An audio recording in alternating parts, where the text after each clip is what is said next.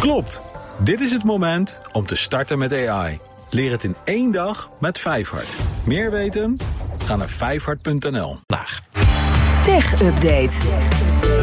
En Michiel Jurjens. Hey Michiel. Goedemiddag, hallo. Ja, tech crime vandaag. Want een Nederlandse IT'er moet in Nieuw-Zeeland 2,5 jaar de gevangenis in. Dat ga je vast niet zomaar. Nee, nee, daar heeft hij wel wat voor moeten doen, zo gezegd. Die programmeur Bram van der Kolk krijgt die zelfstraf... omdat hij een van de mede-oprichters was van megaupload.com. En daar was hij ook de belangrijkste programmeur. Mensen die zich die website nog kunnen herinneren... hartstikke retro, joh, ja, dit. die- ja, ik wou zeggen, die zullen die naam heel lang niet gehoord hebben. Opgericht in 2005 door een extravagante Duitse eh, hacker slash activist... die zichzelf Kim.com noemt. In 2012 al offline gehaald op last van de FBI.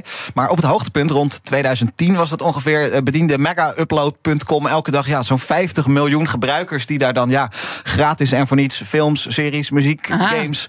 eigenlijk alles konden downloaden. Het is verjaard, ik kan het nu ook zeggen. Ik heb daar ook aardig wat vandaan gehaald. Ja. Als jij nou, het is het verjaard, Kees? Oh, oh. Als jij het toegeeft, Kees, dan wil ik dat ook wel toegeven bij deze. In die zin zijn we allebei een beetje medeplichtig. Maar ja, dit speelde in de tijd dat ja, de online piraterij heel hoog op de agenda stond. Hè. Het illegaal downloaden van films en series gebeurt nog steeds wel. Maar tegenwoordig hebben we streamingdiensten. Het is niet echt meer nodig.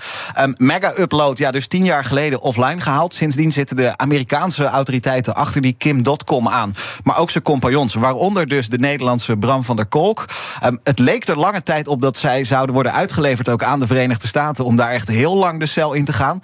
Maar eh, Van der Kolk en nog een derde compagnon die hebben een deal met justitie gesloten vorig jaar. waardoor ze dan in Nieuw-Zeeland konden worden vervolgd. Eh, Nieuw-Zeeland, daar zijn ze trouwens ja, jaren geleden al naartoe gegaan. omdat daar destijds de wetten rondom online Ah. piraterij wat soepeler waren. Ik wou net zeggen, hebben ze daar een brievenbus of zo? Maar... Ja, ja, nou ja, een beetje zo'n constructie inderdaad. Dus daarom zaten ze in Nieuw-Zeeland allemaal. Die zaak die heeft al met al 11 jaar geduurd. Ik zei al, Mega Upload in 2012 offline gehaald. En sindsdien speelt dit. Nou, mega rechtszaak. Ja, zeg, zeg dat wel. Kim.com die heeft trouwens geen deal gesloten met de Amerikanen. Die kiest er juist voor om door te gaan met het juridische gevecht. Oké, nou, benieuwd wat daaruit komt. Dan de tweede chipmachinebouwer ter wereld klaagt een Chinese concurrent aan voor bedrijfsspionage. Ja, ook wel een spannend verhaal. Kijk, we kennen ASML als de grootste ter wereld. Iets minder bekend, maar toch op een goede tweede plaats... staat dan Applied Materials uit Silicon Valley. Dat bedrijf klaagt inderdaad een concurrent aan... voor het stelen van bedrijfsgeheimen. Die concurrent heet dan weer Matson. Een bedrijf, bedrijf ook van oorsprong uit Californië...